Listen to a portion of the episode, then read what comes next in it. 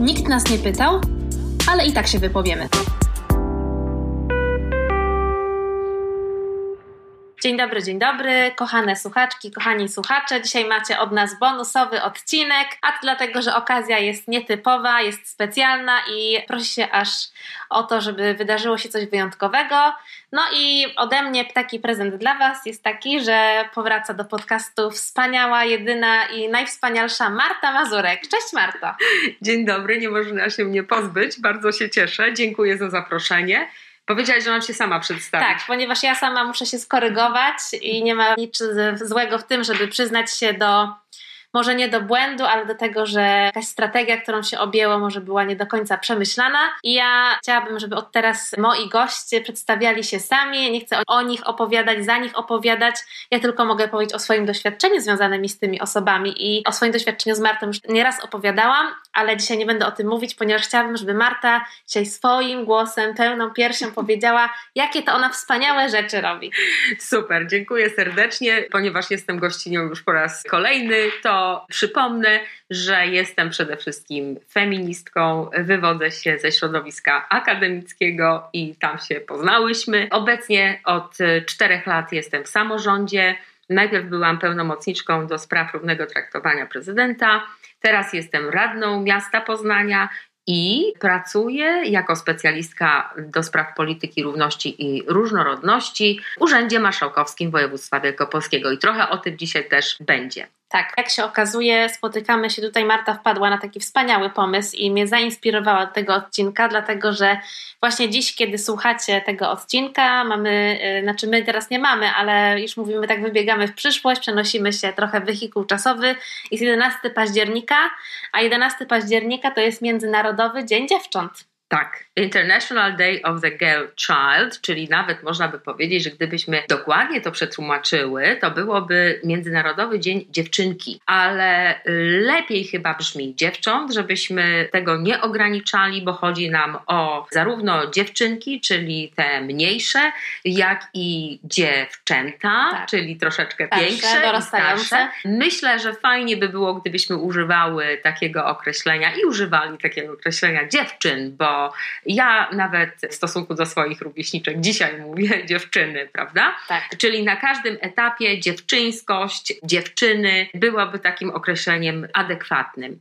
I to jest święto, które ustanowiło Zgromadzenie Ogólne ONZ jak wiemy, Organizacja Narodów Zjednoczonych gromadzi 193 kraje z całego świata i w 2011 roku właśnie ustanowiono Międzynarodowy Dzień Dziewcząt. W ogóle ONZ to jest taka organizacja, która robi wiele w kierunku przeciwdziałania właśnie takiemu systemowemu, strukturalnemu wykluczeniu czy dyskryminacji różnych grup i tutaj kobiety stanowią, no tutaj powiedzmy sobie szczerze, taką najbardziej liczną, mhm. jak się zastanowić, grupę. Tworzyły, czy ONZ organizowała konferencje.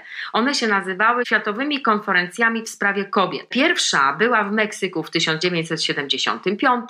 Po pięciu latach była w Kopenhadze, po kolejnych pięciu latach była w Nairobi i w 1995 roku, czyli 25 lat temu, odbyła się taka bardzo ważna czwarta światowa konferencja w sprawie kobiet w Pekinie i tam przyjęto deklarację pekińską i tak zwaną platformę działania. To jest bardzo ważne tym roku obchodzimy 25-lecie powstania tej platformy działania, czyli takiego jakby globalnego programu na rzecz wspierania praw i wzmacniania pozycji kobiet i dziewcząt na świecie.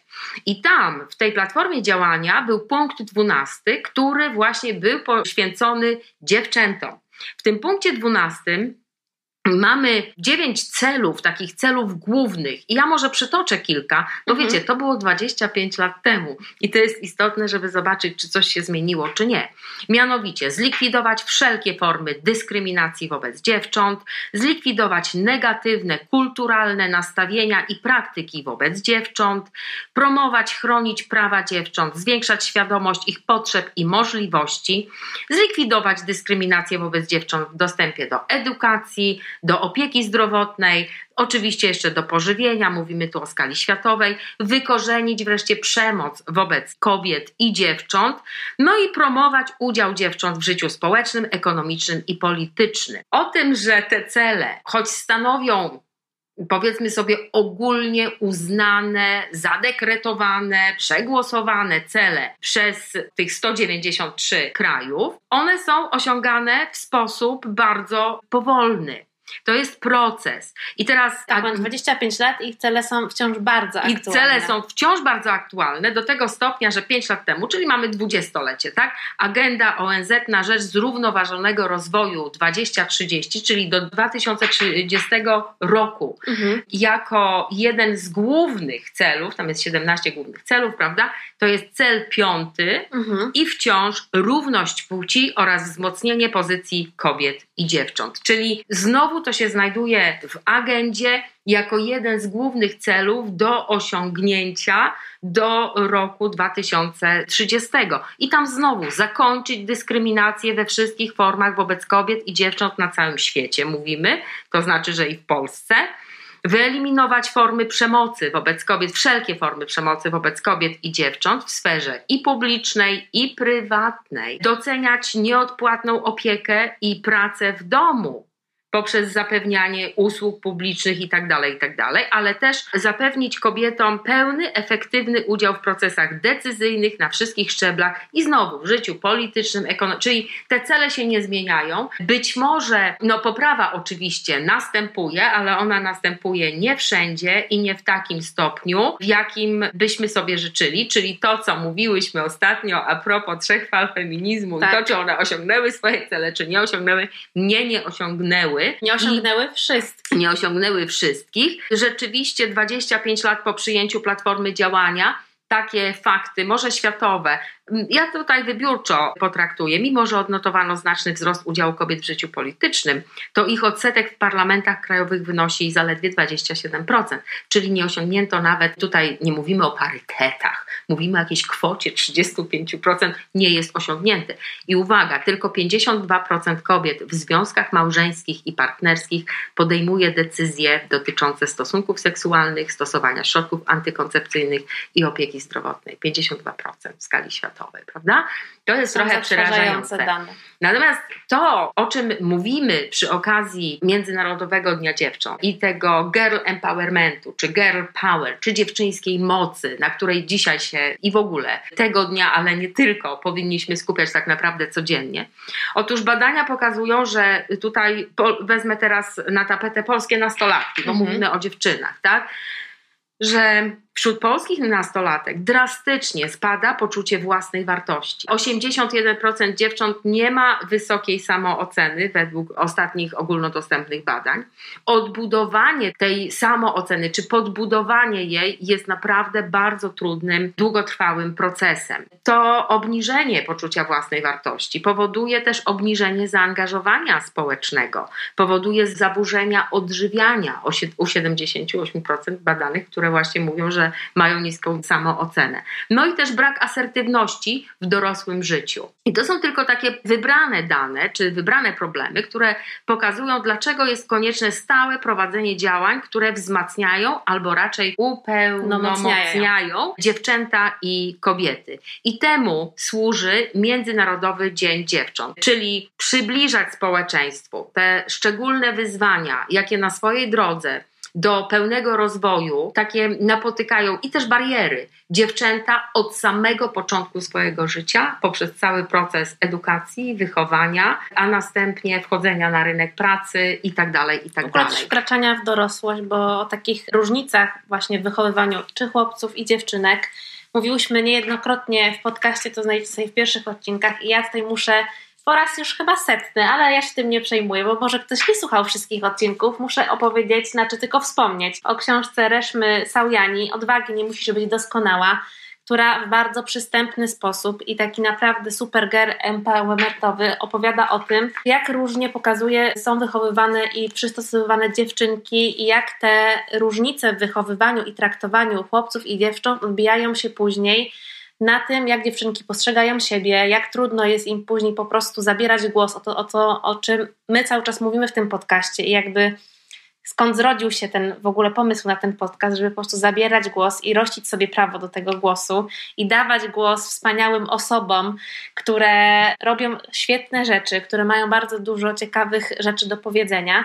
I okazuje się, że są też osoby, które chcą słuchać tych osób. I to jest wspaniałe w tym wszystkim, więc proszę sobie odnotować. Reszma czeka na Was i jest to naprawdę książka, która jest obowiązkową pozycją. Jak zwykle damy listę zalecanych lektur. Teraz będą te właśnie lektury z jednej strony może pokazujące, jakie bariery napotykają dziewczęta, a z drugiej strony właśnie takie girl empowermentowe. Tak, i ja jeszcze tylko sekundkę tak ci wtrącę, ponieważ ja o tej książce bardzo dużo rozmawiałam z moimi przyjaciółkami i dostałam ją zresztą od przyjaciółki Kasi. 100% osób, z którymi rozmawiałam o tej książce o, z dziewczynami, wszystkie potrafią bardzo sympatyzować, jakby potrafią utożsamić się z doświadczeniami, o których pisze tutaj Reszma. Więc tutaj dane, które przytaczasz 78%, no to są dane, które naprawdę są prawdziwe. My, jako dziewczynki, niegdyś, ja pamiętam swoje doświadczenia związane z dorastaniem i wchodzeniem w dorosłość, i dopiero później potrafiłam nazwać problemy, z którymi się mierzyłam. I rzeczywiście to były problemy związane z dyskryminacją, dlatego że ja byłam kobietą. Byłam dziewczynką i dlatego, że według mnie stosowano podwójny standard i to, że chciałam być na przykład przewodniczącą klasy, przewodniczącą szkoły, to oznaczało, że ja jestem gnuśna, że jestem niegrzeczna, że to mi nie przystoi, że dlaczego ja zawsze muszę być taka głośna i zabierać głos tam, gdzie nikt mnie nie pyta. Z kolei moi koledzy z ławki byli jak najbardziej tego zachęcani, a już najbardziej doprowadzało mnie zawsze do szału określenie, że chłopcy będą chłopcami, boys will be boys i im po prostu przez to bardzo dużo uchodziło na sucho. Mówisz tutaj o takim zjawisku, czy takim procesie, który jest bardzo dobrze udokumentowany w naukowych publikacjach opartych na badaniach empirycznych w szkołach. Tak. Ja, ja będę mówiła, odnosiła się do polskiej rzeczywistości, ale to jest e, problem nie tylko polski, bo patriarchat jest zjawiskiem jest ogólnoświatowym. Ale to, o czym ty mówisz, twoje doświadczenie, tak jak doświadczenie wielu z nas, już teraz nazwane, teraz już przemyślane, przepracowane i już wiem, że to nie ja byłam winna, tak? Ani tak. ty nie byłaś, to nie, nie był problem z tobą, czy nie był problem ze mną. Jest doskonale opisane. Ja ciągle wspominam i ciągle polecam lekturę. Nie są to łatwe lektury. Profesor Lucyny Kopciewicz, ona bada naprawdę środowisko szkolne, również nastawienia nauczycielek i nauczycieli. Mhm. I ona właśnie mówi o czymś takim, co nazywa się treningiem szkolnym męskości i treningiem szkolnym kobiecości. Nie tylko w dzieciństwie przez rodziców jesteśmy inaczej traktowani jako chłopcy i dziewczynki, bo kupuje nam się inne zabawki, oczekuje się od nas innych zachowań. Dziewczynka może sobie zamarzyć być jakimkolwiek pod warunkiem, że jest w chacie, nie? Tak. A chłopiec prawda, może być na przykład astronautą sobie tak. marzyć. Nie tylko mamy kulturowo pięcioletnie dziewczynki, kiedy mówi się o geniuszu, to jest mit geniuszu, prawda? Jak on jest mhm. bardzo androcentryczny. Pięcioletnie dziewczynki, to są niedawne badania, pokazują, jeżeli się mówi, kto jest bardzo, bardzo mądry, pięcioletnia dziewczynka ci pokaże tyle samo mężczyzn, ile kobiet, a sześcioletnia dziewczynka już tylko 42% pokaże kobiety, a za to 60 y, ileś procent chłopców pokaże mężczyzn, prawda? Mhm. Czyli już to jest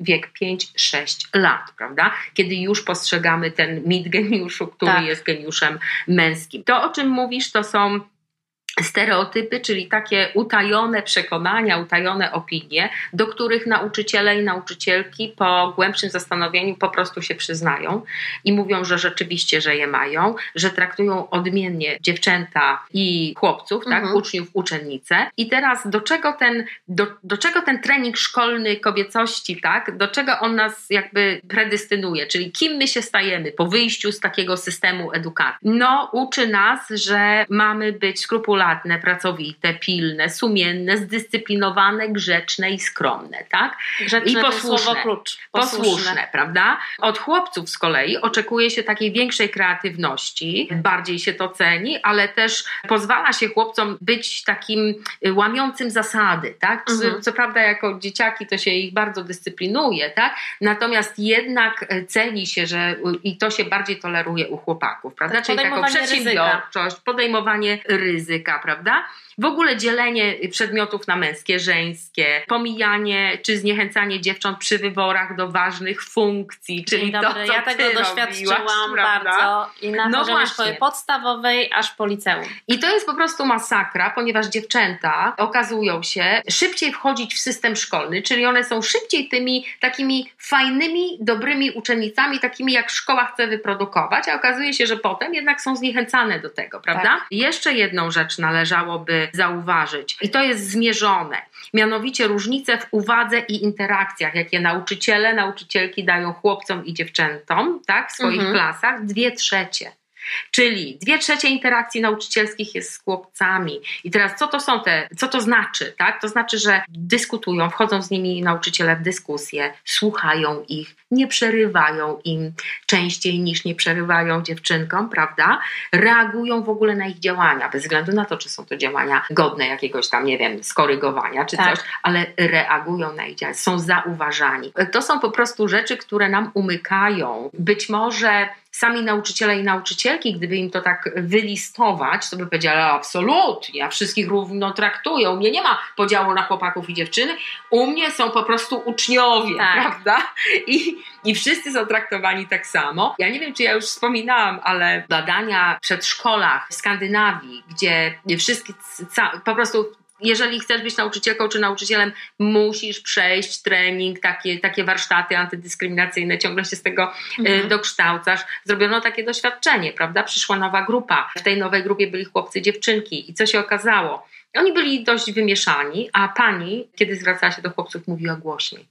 I teraz, kiedy jej to pokazano później, nagrano to, ona nie mogła uwierzyć. Ona płakała, mówi, ja nie wierzę, że ja, przecież ja, ja się uczę, że mam e, traktować tak samo, a ona jednak pewnie, no tutaj jakie założenie się kryło, że chłopaki nie słuchają, tak? Mhm. Że do chłopców trzeba głośniej. Że ona musi Więc- zaznaczyć swoją obecność. Więc e, ta kwestia, o której mówisz, podręczniki. O podręcznikach już mówiłyśmy i powtarzamy to Tak. ciągle, prawda? Podręczniki są tylko znowu pewną jedną częścią, ale nie oszukujmy się jednak to, że tak powiem, wystawienie na działanie podręcznika, bez względu na to, czy świadome, czy podprogowe, jest ogromne. To jest, nie wiem, no 8, potem 12 lat, potem jeżeli dochodzi do jeszcze studia, powiedzmy, nie wiem, 5-6 lat, to to jest po prostu wystawienie na takie działanie, gdzie oglądasz tylko y, mężczyzn. Tutaj y, wspominam ciągle badania gender w podręcznikach, Tak, też wrzucimy. I po prostu, kiedy we wszystkich podręcznikach patrzysz i widzisz tylko mężczyzn, do kogo ty jako dziewczyna, bo widzisz tylko dwie kobiety, jedna królowa święta, a druga podwójna noblistka. To znaczy, jak ty możesz się w ogóle z nią mierzyć?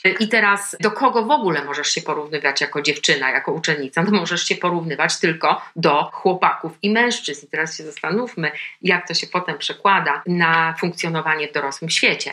My w ogóle jesteśmy dorosłymi już kobietami i to, że na przykład bardzo mocno chcemy mówić o girl empowermencie, to jest też nasze doświadczenie, tak? Tak. Ja ostatnimi czasy też sporo mówię o syndromie oszustki, tak? Czyli Tak. kobieta, która powiedzmy sobie osiąga sukces, tak? Osiąga sukces, zamiast cieszyć się z tego sukcesu, zamiast budować sobie to, tę pewność siebie, nagle y, oblatuje ją strach i boi się, żeby wszyscy nie odkryli, że ona to jest chyba przypadkiem i że to jej się udało. I teraz, kiedy cofniemy się do tego całego procesu wychowania, do tego całego procesu edukacji, to widzimy, że ten syndrom uszustki u tych kobiet sukcesu, który jest, no ja już teraz też wiem z różnych źródeł, ponieważ wypowiadałam się na ten temat w mediach i ja I tutaj naprawdę... też podlinkujemy. Marta ma na swoim koncie publikacje związane z syndromem oszustki i ja zwracam tutaj szczególną uwagę Waszą, drodzy słuchacze i słuchaczki, bo to jest ultra ważna sprawa. Tak, i jeszcze o drugiej rzeczy, której mówimy już w świecie funkcjonowania na rynku pracy, jeżeli oczywiście mówimy o tym sukcesie, który tam chcemy też zdobywać, ten sukces oczywiście zdefiniowany w kategoriach sukcesu męskiego i tak dalej, i tak dalej, ale kwestia taka jak ta lepka podłoga, czyli same sobie szkodzimy, tak, Mhm. bo tak się, że tak powiem, uwikłamy w te szczegóły, w tą naszą perfekcyjność, że po prostu bardzo trudno nam jest, albo nawet trudno jest osobom, które są odpowiedzialne i mogłyby nas, że tak powiem, promować wyżej, tak, bardzo trudno im jest zauważyć ten potencjał, bo my się po prostu gubimy w tych szczegółach, bo jesteśmy takie właśnie dokładne, takie skrupulatne i to jest takie ważne, zamiast po prostu być tutaj śmiałe i o tym bardzo wiele teraz jest też od jakiegoś czasu, bardzo wiele jest też o tym książek takich, tak, tak Mhm. takich trochę poradników, ale to wcale nie jest łatwe, że sobie przeczytasz książkę i już będziesz wiedziała, bo ty na razie to wiesz, ale żeby to wprowadzić w życie, to tak jak mówimy, ja się ciągle oduczam rozpoczynać swoją wypowiedź od przepraszam. No, mam taką przyjaciółkę bardzo drogą, którą od wielu lat próbuję oduczyć przepraszania. Jest świetną specjalistką, niesamowicie mądrą, kompetentną, która po prostu jest dla mnie uosobieniem takiej pracowitości i skrupulatności. I to jest osoba, która każde zdanie niemal zaczyna od przepraszam i absolutnie nie wierzy w swoje kompetencje, których ma po prostu mnóstwo, która jest też wyznacznikiem w miejscu pracy i od, od niej każdy bierze na przykład, no nie wiem, na przykład wzory umów czy różne inne rzeczy, bo ona zawsze uchodzi za tą, która jest skrupulatna, zawsze ma mhm. wszystko najlepiej przygotowane i tak rzeczywiście jest, ale oczywiście jest tu okupione tym, że po prostu w głowie nigdy nie jest dobrze wszystko zrobione, zawsze mogłoby być to lepiej zrobione i to wszystko to jest nie tylko jedna obserwacja mojej drogiej przyjaciółki, ale też wielu innych kobiet, które spotkałam na swojej drodze życia. I to wszystko bierze się właśnie z tych problemów związanych z samoakceptacją, z ogromnym zakompleksieniem, w którym dostają dziewczynki, dziewczęta i tego, że sama doświadczyłam, że miałam całe swoje życie problemy z nadwagą i jak schudłam, to wszyscy mi strasznie gratulowali. To było naj, największe osiągnięcie życiowe. A to, że studiowałam, skończyłam studia z wyróżnieniem, miałam stypendium dla najlepszej studentki, miałam publikacje, to było tak zbywane, no że fajnie, fajnie, ale że w końcu schudłam, to po prostu było super ważne. I nie dlatego, że chodziło o moje zdrowie, tylko że w końcu ładnie wyglądałam.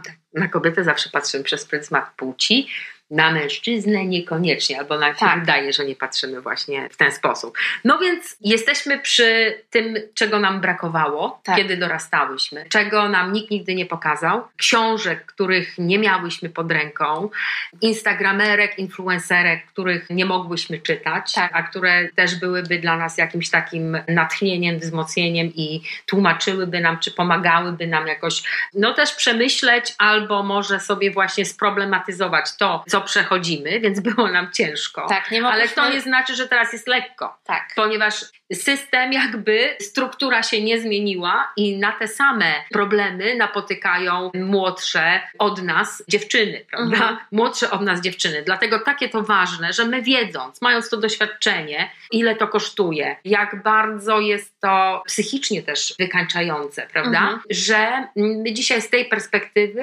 powinnyśmy robić wszystko, żeby dziewczynki dziewczęta, dziewczyny i młode kobiety, żeby po prostu wspierać je w tej wiedzy i w tym empowermencie. Girl empowerment to jest taki trend, mega trend w ogóle, tak? Mega. Od, od, kilku już dekad i on rzeczywiście również zaistniał w Polsce, właśnie y, kładący nacisk na wzmacnianie albo tak jak mówię, upełnomocnianie dziewcząt, tak żeby one rozpoznawały swoje atuty, żeby znały swoją moc, przez to również budowały taką swój głos, tak, żeby nie bały się wypowiadać, ale też żeby no, tworzyć im przestrzeń do tego, bezpieczną, żeby one mogły się jednak dzielić tak. doświadczeniem tak. wtedy, kiedy się kiedy zauważają właśnie to działanie tej strukturalnej dyskryminacji jednak, prawda?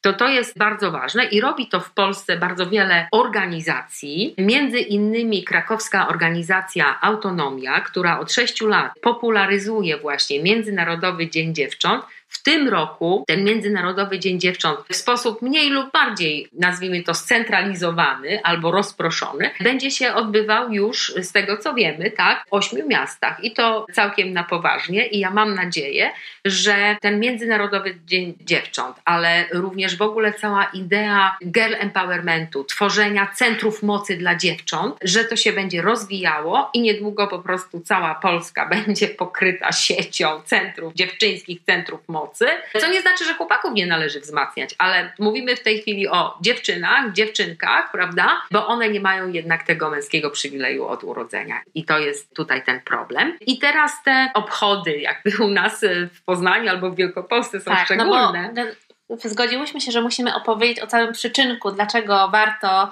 celebrować ten Międzynarodowy Dzień Dziewczynek, Dziewcząt, Dziewczyn i dlaczego to jest takie ważne, żeby o tym mówić, ale tak naprawdę najważniejsze jest to, co się będzie działo i to, co Marta jako współtwórczyni niesamowitych rzeczy będzie teraz opowiadać, bo to są naprawdę świetne projekty, które się dzieją i które w ogóle nie są popularyzowane, bo też właśnie mówiłyśmy o tym przed rozpoczęciem nagrania, przed kliknięciem batona, który mówi nagrywaj, to, że w tym girl powerze, o tym empowermencie bardzo fajnie, to jest ładne hasło na ładną grafikę, żeby to udostępnić na Instagramie i że my obie mamy nadzieję, że to nie będzie taki kolejny chwyt marketingowy, że to nie będzie kolejny przyczynek do tego, żeby skapitalizować po prostu kolejne hasło, które przyczyni się do tego, że będziemy sobie dawać kwiatki, vouchery na masaż i mówić, że super, dbaj o siebie, bo jesteś ważna i to będzie się sprowadzało do jednego hasła, które użyjemy właśnie 11 października. I Marta właśnie opowie o przykładowych działaniach, które są niesamowicie ważne, które, tak jak wspomniałam, już się dzieją które właśnie pokazują, że to wzmacnianie, umocnianie to nie jest dla nas fiszka czy, czy hashtag tylko, ale to są po prostu realne działania osób, którym zależy i które chcą rzeczywiście działać na rzecz wzmacniania. Ale y, żebyśmy tutaj nie wylały dziecka z kąpielą. Hashtag też jest ważny. Hashtag też tego jest się ważny, zaczęło, ale że... to oczywiście ja tutaj nie deprecjonuję, ale chodzi też o to, żeby nie tylko użyć hashtaga, tak. Chociaż hashtag też ma tą moc, że tak. na przykład on zbiera te zbiera. wszystkie rzeczy, które się dzieją, ale żeby to nie było związane tylko z udostępnianiem, ale też rzeczywiście tym, co się jest pod tym hashtagiem. Tak, albo żeby to, jeżeli już udostępniam, to żeby to były rzeczywiście girl empowermentowe treści, tak. bo ja wiem, że przez Facebooka to tam się nie patrzy, nie szuka się po hashtagu, ale rzeczywiście sobie y, wrzuciłam taki hashtag na Facebooku, Międzynarodowy Dzień Dziewcząt albo Dzień Dziewczyn i pokazały mi się właśnie tylko takie wyniki, mhm. o których mówisz, tak? Czyli już jak gdyby za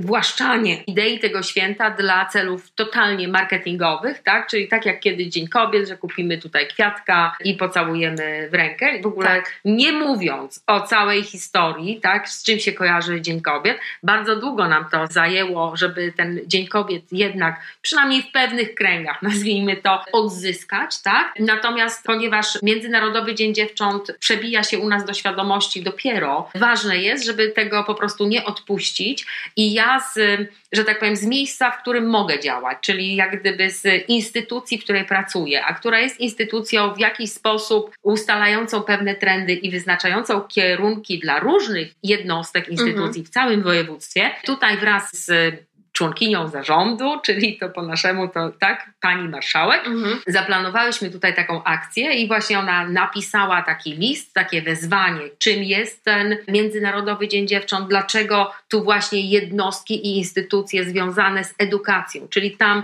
gdzie dziewczęta przychodzą, gdzie się rozwijają, żeby im nie podcinać tych skrzydeł, tak? Czyli dlaczego one właśnie są takie podstawowe i bardzo ważne. Świadomość tych instytucji, ludzi pracujących w tych instytucjach, one przyłączą się do tej akcji, bo celem mhm. naszej akcji teraz tak naprawdę jest tylko ten cel propagandowy. Mhm. To znaczy uświadomić, że jest takie święto i żebyśmy w odpowiednim kontekście o tym święcie mówili i mówiły, ale tak. dzieją się, więc tutaj będą wszystkie centra wsparcia zawodowego, biorą mhm. udział, planują takie aktywności dla swoich podopiecznych, tak, dla dziewcząt, takie, żeby na przykład, może ja powiem taki przykładowy, tak. później będziemy opisy, na przykład, że będą robić takie medale, dziewczyńska supermoc i na tym medalu będą koleżanki pisały, dlaczego cię lubię, czemu jesteś fajna, prawda? żeby to było tak naprawdę empowermentowe, takie proste aktywności, które w dobie pandemii, kiedy nie możemy zrobić, nie wiem, zjazdu dziewcząt, prawda? Tak. Dać im tutaj jakiegoś fajnego koncertu. Festiwalu Girl Power festiwalu Girl Power, a nie chcemy robić kolejnego webinarium, tak? Więc same, same myślę, że same tutaj aktywistki, same influencerki też będą miały bardzo dużo do powiedzenia i będą miały świetne pomysły, natomiast my, że tak powiem, tutaj było zwrócenie się do instytucji, żeby ona w ramach, zgodnie ze swoim takim profilem działalności i w ramach takich swoich możliwości, oczywiście w dobie pandemii, co można zrobić, czyli na przykład biblioteka, co może zrobić? Może, prawda, zrobić kącik lektury dziewczyńskiej, prawda, takiej właśnie wzmacniającej i tak dalej, i tak dalej. Co może zrobić ośrodek doskonalenia nauczycieli? Ano może zrobić całą stronę poświęconą właśnie skąd się to święto wzięło, jakie, na jakie problemy, czy w edukacji, czy gdziekolwiek, tak powinniśmy zwracać uwagę na przykład na równe, rzeczywiście równe traktowanie. I rzeczywiście diagnozować tak. te problemy i, i diagnozować głośno, a nie tak. zamiatać pod Ale dzieją się również inne rzeczy. Ja już teraz na przykład w jednej ze szkół, tutaj 20 liceum imienia Gałczyńskiego, już kolejny raz robi taki projekt Girl to Leader.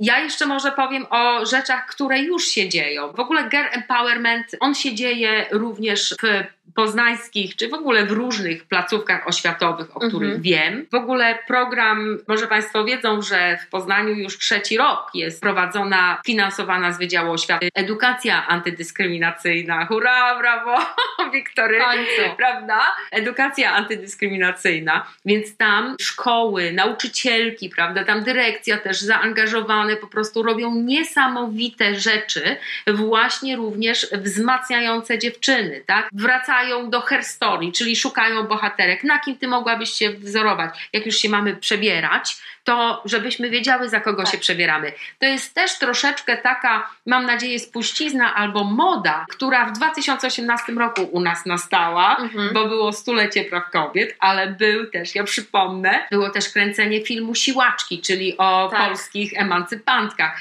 gdzie nasze tu poznanianki, wielkopolanki gremialnie uczestniczyły jako statystki, więc i to się dzieje, bardzo wiele nauczycielek brało w tym udział i zobaczyło, że to jest wow, jakie to jest wzmacniające. One potem idą do szkół, one potem robią z dziewczynami te projekty. I to jest też istotne, że zajęcia antydyskryminacyjne, one również są girl empowermentowe w wielu przypadkach, ale także w ubiegłym roku po raz pierwszy została zrobiona taka liga debat, bo mamy taką poznańską ligę debat, ona mhm. ma długą tradycję, tam w ogóle jest super, super. Po raz pierwszy w ubiegłym roku ona była zrobiona w sposób antydyskryminacyjny, to znaczy na poziomie horyzontalnym ta antydyskryminacja była, mhm. czyli wszyscy musieli przejść. Warsztaty antydyskryminacyjne, dbano o mniej więcej równą reprezentację chłopców i dziewcząt w tej lidze, dbano też o język inkluzywny, więc dla nich to była taka innowacja, w ogóle ucieszyli się, że jest to coś nowego, już gminy w ogóle też, bo to było w Poznaniu, więc gminy podpoznańskie już też to, że tak powiem, ten projekt zaprosiły do siebie,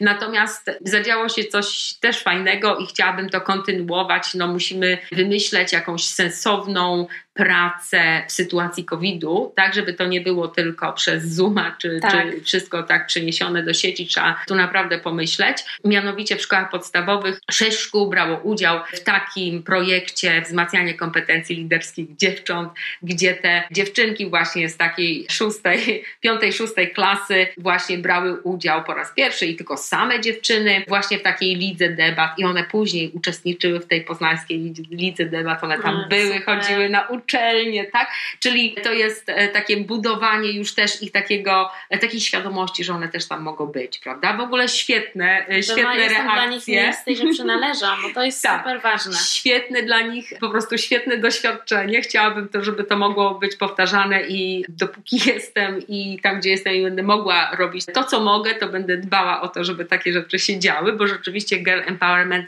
jest nam bardzo potrzebny. Wydaje nam się, że patrzymy na inne kraje, mówimy, o tam to jest dopiero dyskryminacja. Nie, nie, ona jest wszędzie, ona jest systemowa, ona jest po prostu e, przezroczysta. Ja tylko jeszcze powiem, skąd mi się wzięło ta antydyskryminacja. Mhm. Otóż w 2018 roku z Uniwersytetu imienia Adama Mickiewicza dostałam taką prośbę mhm. od organizatorek Akademickiej Ligi Debat dla Kobiet czy okay. nie mogłabym otworzyć tej ligi debat, była ogólnopolska, mm -hmm. tak, uniwersytecka. Ja sobie porozmawiałam, dlaczego, bo ja nie wiedziałam, ja nie miałam mm -hmm. pojęcia, że jest dla kobiet. I pytam, dlaczego wy macie dla kobiet? I ona mi dopiero wtedy powiedziała, że Akademicka Liga Debat jest bardzo wykluczająca dla właśnie studentek, mhm. że one tam nie mają poczucia bezpieczeństwa, że nie startują. Są mile widziane. I, i nawet, bo to, bo to nie chodzi o to, że ktoś ci powie, że nie jesteś mile widziana, ale da wiemy o tym. To też jest y, po prostu, jak wiemy od samego początku, z powodu męskiego przywileju dziewczyny i kobiety nie mają równego startu, tak? Nie I mają. one jakby tutaj to, ja miałam taką dość rewolucyjną wtedy taką przemówienie zagajające, mhm. gdzie mówiłam, że zawsze głos kobiety jest głosem histerycznym, ale to było świetne, bo okazało się, że z bardzo wielu uniwersytetów w Polsce mhm. przyjechały właśnie studentki, drużyny kobiece mhm. i, że tak powiem, w obsłudze tego byli i mężczyźni, i kobiety, tak, czyli, ale uczestniczkami były tylko kobiety i okazuje się, że one potrzebowały takiej bezpiecznej przestrzeni. To mi właśnie dało do myślenia, jakby to był taki pierwszy sygnał na następnie sobie sprawdziłam, porozmawiałam z tymi, którzy robią debaty i okazuje się, że tak jest, że w debatach jakieś 70 do 80% to są mężczyźni, a nie kobiety, tak? Mhm. W związku z czym należy to odwrócić i zaczynać naprawdę jak najwcześniej, bo to, że ktoś powie, że już w liceum dziewczyny się nie zgłaszają, no, no nie chcą. Pytanie jest, No dlaczego, ciekawe, nie, dlaczego chcą, nie chcą? prawda? I teraz jakby próbujemy, należy próbować od samego początku. Wiemy, że są już rodzice, tak? Rodzice dzisiaj się uczą, jak to robić, żeby jednak wychowywać dziewczynki na takie pewne siebie, tak? Na takie, które dużo mogą albo wierzą, że mogą, prawda? Jak je wspierać, czyli mamy mm, nie tylko mnóstwo stron internetowych, mnóstwo blogów, tak? Wydawnictw, takich jak Kosmos dla dziewczynek przecież, Tak, prawda? wspaniałe. I później dochodzimy do tych nastolatek, tak? Nastolatki potrzebują uwagi, nastolatki potrzebują także wzmocnienia i bardzo się cieszę, że mamy coraz więcej takich publikacji dziewczyńskich, Tak. które przeczytałaś. Przeczytałyśmy na dzisiaj. Obie przyniosłyśmy tutaj dzisiaj książkę, która jest po prostu, no to jest książka wspaniała. To jest w ogóle trudno w ogóle powiedzieć inaczej o tej książce, bo tę książkę powinien mieć po prostu każdy u siebie, po prostu komu leży na sercu idea równości, kto jest przeciwko dyskryminacji, kto po prostu no, w jakikolwiek sposób czuje, że potrzebuje działać i chce rozmawiać o działaniu, no bo to jest książka, nie ja już mimo tego, że mam 31 lat, to po prostu ja uważam, że ten poradnik, który jest takim poradnikiem no, bardzo nietypowym, jest po prostu no, takim bardzo fajnym też przewodnikiem dla mnie, takim ogromną dawką wiedzy, przepięknie wydany i żeby tutaj już nie budować tego napięcia, może powiem, jaki jest tytuł tej książki. Dziewczyny do boju! Tak, poradnik młodej aktywistki, który wydała Kaylin Rich. I jest to książka, którą wydało wydawnictwa Nowa Baśń. No i oprócz tego, że ja jako też polonistka, literaturoznawczyni bardzo doceniam też to, w jaki sposób wydawane są książki. To jest książka pięknie wydana, to się po prostu samo czyta, ale to się też samo czyta Oczywiście przez piękny skład tej książki, ale też przez to, że tłumaczenie jest świetne. Książka jest podzielona na różne segmenty. Zaczyna się od takiego trochę wprowadzenia w temat, z czym, dlaczego ten empowerment i to wzmacnianie dziewczyn jest ważne. Pokazanie aktywizmu jako takiej postawy obywatelskiej, tego skąd się bierze w ogóle ta nierówność i Tutaj dla mnie takim osobiście bardzo ważnym, już na samym początku, na 21 stronie, kiedy mamy rozdział Pora na bunt dziewczyn, i tutaj właśnie jest takie bardzo proste ćwiczenie, które jest związane z takim pytaniem, kto ma władzę. No i kto ma władzę? No i ja od razu, jak tylko to zobaczyłam, to mi się przypomniała taka niesamowita rzecz, którą ja widziałam już bardzo dawno temu, ale teraz mi się o niej przypomniało, bo o Chimimandzie Ngozi Adichie to ja już tutaj mówiłam wiele razy w kontekście tego, dlaczego wszyscy powinniśmy być feministami. Ale Chimamanda ma też taki wykład, chyba sprzed 10 lat, bardzo krótki, 20-minutowy, o niebezpieczeństwie jednej Mhm. historii. I to niebezpieczeństwo jednej historii jest też z polskimi napisami na YouTubie, więc naprawdę wymówek nie przyjmujemy. Tutaj proszę natychmiast wygooglować, wyjutubować, bo to jest naprawdę to jest 19 minut, które naprawdę myślę, że może zmienić nie jeden punkt widzenia i trochę e, oczywiście używając patosu, który uwielbiam, zmienić czyjeś życie. No i ja sobie z przyjemnością przypomniałam ten krótki wykład Niebezpieczeństwo jednej historii przy okazji tego zwrócenia uwagi na tego, kto ma władzę. I Chimamanda właśnie mówi o tym wprost, że to niebezpieczeństwo jednej historii polega na tym, że opowiadają ją osoby, które dzierżą władzę i jakby zwraca uwagę, kto ma tą władzę i zwraca uwagę na takie bardzo ważne rzeczy związane, żeby zawsze, kiedy opowiada, opowiadana jest jakaś historia, żeby zwrócić uwagę na to, jak jest opowiadana, kiedy jest opowiadana, kto ją opowiada i ja, z jaką częstotliwością jest ona powtarzana, bo to jest tutaj bardzo ważne. Ona mówi tutaj jeszcze o jednej ważnej rzeczy, że władza to jest nie tylko możliwość opowiadania o innej osobie, ale przede wszystkim nadawanie definicji i takiego prawa do tego, żeby tę osobę po prostu opisać, żeby nadać jej znaczenie.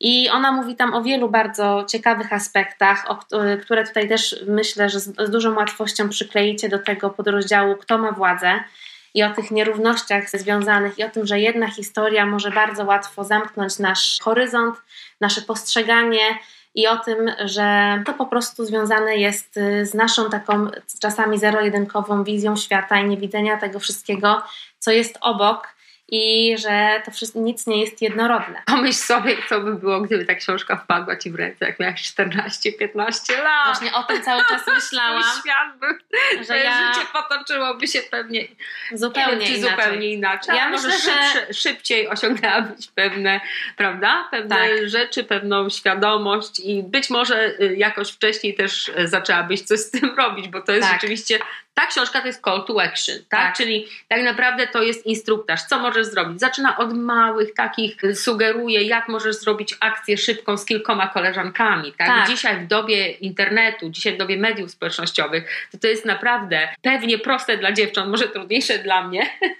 ale dla dziewcząt, y, które, że tak powiem, żyją z telefonem w ręce i one już po prostu robią to jak gdyby równolegle z innymi rzeczami, to to jest naprawdę świetne, ale to jest też książka, czyli to jest taki podręcznik, można powiedzieć tak, to jest taki self-help, czyli poradnik tak. dla ciebie, młoda dla ciebie dziewczyno, która być może dostrzega, że coś się dzieje, jeszcze nie wiesz, to ci wszystko tutaj bardzo pięknie, w ogóle pięknie, pięknym językiem, tak jak ty to mówisz, że, żebym ja to przeczytała, jak miałam te 15 lat, życie byłoby prostsze, tak? tak. Znaczy być może, albo trudniejsze byłoby, tak? Bo jednak bym się chyba Ale naparzała. nie czułabyś się chyba po prostu tak osamotniona. Tak, osamotniona. Bo ale... tutaj pokazuje, że to, że masz pragnienia, i że jesteś dziewczynką, no, która po prostu chce coś zrobić i że ma prawo wyrazić swoje niezadowolenie, że w ogóle ma prawo zabrać tak. głos, żeby nie zastanawiać się tak. czy i kwestionować tego wszystkiego, co masz do powiedzenia, bo zaraz tak. ktoś może cię skontrować. I nawet jeżeli to zrobi, to nie ma w tym nic złego, że nie masz racji, tylko po prostu zabierz ten głos. I ja naprawdę Gdybym zobaczyła coś takiego, gdybym przeczytała i zobaczyła tutaj takie rozdziały, ile pieniędzy potrzebuję, jak się za to zabrać, jak zrobić tak. w ogóle jakiś arkusz związanymi z, z wydatkami, o tym, co to jest pikieta, jak tworzyć slogany, co jest chwytliwe, albo nawet takie bardzo proste rzeczy pokazujące, że jak mówisz, zbieramy na to i na to, a z drugiej strony pokazują, że zbieramy na to i na to, dlatego że, i to są tylko dwa zdania więcej, które powiesz, ale od razu widzisz różnicę w tym, że co jest bardziej zapraszające tak. i co bardziej sprawia, że będziesz słyszalna. To jest w ogóle świetne. To jest e, podręcznik dla młodej aktywistki, ale nie tylko dla młodej aktywistki, dla tak. każdej aktywistki, ale to jest także książka, którą uważam powinny i powinni przeczytać wszystkie osoby pracujące z dziewczętami, wszystkie, które myślą o tym, że rzeczywiście chciałbym czy chciałabym wzmacniać e, dziewczęta, to to, to jest po prostu lektura obowiązkowa. Tak. Można z niej stworzyć naprawdę świetne projekty, jeżeli będziemy nie wiem, pracować z młodszymi dziewczynami, które jeszcze potrzebują tak. jakiejś takiej kogoś y, bardziej dorosłego do koordynowania. Natomiast dla nastolatek, tak, dwudziestokilkulatek, to jest po prostu wspaniała książka, która przeprowadzi je przez wszystkie kampanie, jakie tak. chciałyby, tak, która sprawi, że one będą sprawcze, tak. że one będą mogły zorganizować, tak jak mówisz, akcje, że będą skuteczne tak? że dotrą tak. tam, gdzie chcą, bo tutaj tak naprawdę mają bardzo wiele rzeczy wytłumaczonych. Tak. Taki poradnik też. To jest tak? naprawdę poradnik, ale który też pokazuje, co, z czego to wszystko wynika, z czego wynika też sytuacja dziewczyn w ogóle w mega przystępny sposób i to są no też naprawdę, jak ja to czytałam, to są też takie rzeczy, o których my po prostu mówiłyśmy w podcaście, więc to naprawdę jakby oprócz tego, że zaraz ktoś powie propaganda, propaganda, ale to naprawdę pokazuje, że to, co odczujemy i co ja czułam jako dziewczynka, a to wtedy nie potrafiłam tego nazwać, to wtedy przyszłaby mi z pomocą ta książka i w końcu powiedziała mi, co ja tak naprawdę czuję, co mogłam dopiero po kilku latach, kiedy stawałam się już taką bardziej kobietą niż dziewczyną i mogłam zdiagnozować, co tak naprawdę czułam i o co mi chodziło. I jeszcze ostatnią rzecz, którą chciałam powiedzieć, to że super jest to, że ta książka, mimo tego, że jest napisana przez Kaylin Rich i odpowiada bardzo, daje tutaj taki e, kontekst amerykańskiego feminizmu, jest no też przez Amerykankę napisana, ale super są te przypisy, które osadzają różne e, rozdziały w polskim kontekście. Jest gender w podręcznikach. Tak, jest też na przykład, kiedy jest mowa o influencerkach zagranicznych, to jest przypis do influencerek polskich, tak. co jest w ogóle super. Jest też na przykład rozdział, który pokazuje, które media zajmują się kwestiami równościowymi, gdzie szukać takich informacji. No, czyli coś, co jest naprawdę no, taką podstawą i czego po prostu wszyscy potrzebują do życia. Ja myślę jeszcze, że bardzo ważne jest to, że ta książka została napisana przez Koreankę. Tak, tak. O tym samym pomyślałam. E, czyli przez osobę wielokrotnie, że tak powiem, wykluczoną, jak już mówimy o intersekcjonalności tutaj. To jest napisane z takiej perspektywy, pokazane w jaki sposób możesz być skuteczna. Naprawdę to jest empowermentowa książka, Bardzo. którą wszystkim polecamy. I co? Jakieś życzenia może dla mm, dziewczyn z okazji Międzynarodowego Dnia Dziewczyn? To ja mam takie życzenia dla wszystkich dziewczyn, dziewcząt i dorastających dziewczyn, żebyście pamiętały o tym i żebyście czuły w swoim życiu, że wasz głos ma znaczenie i że to, o czym marzycie, to, czego pragniecie, jest istotne i wy, żebyście miały odwagę, żeby protestować, jeżeli ktoś wam mówi, że jest inaczej. Także, drogie dziewczyny, jesteście ważne. Tak. Jesteście silne. Tak.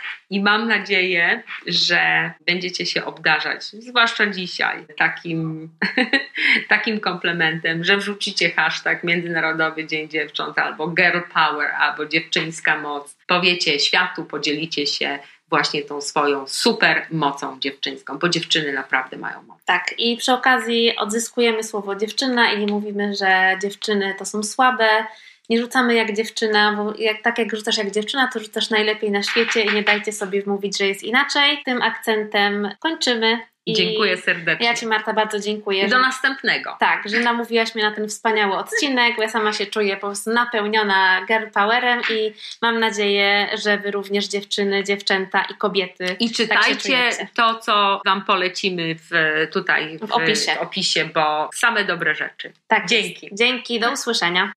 Nikt nas nie pytał, ale i tak się wypowiemy. Producentem podcastu jest Estrada Poznańska. Wszystkie odcinki znajdziesz na estrada.poznan.pl.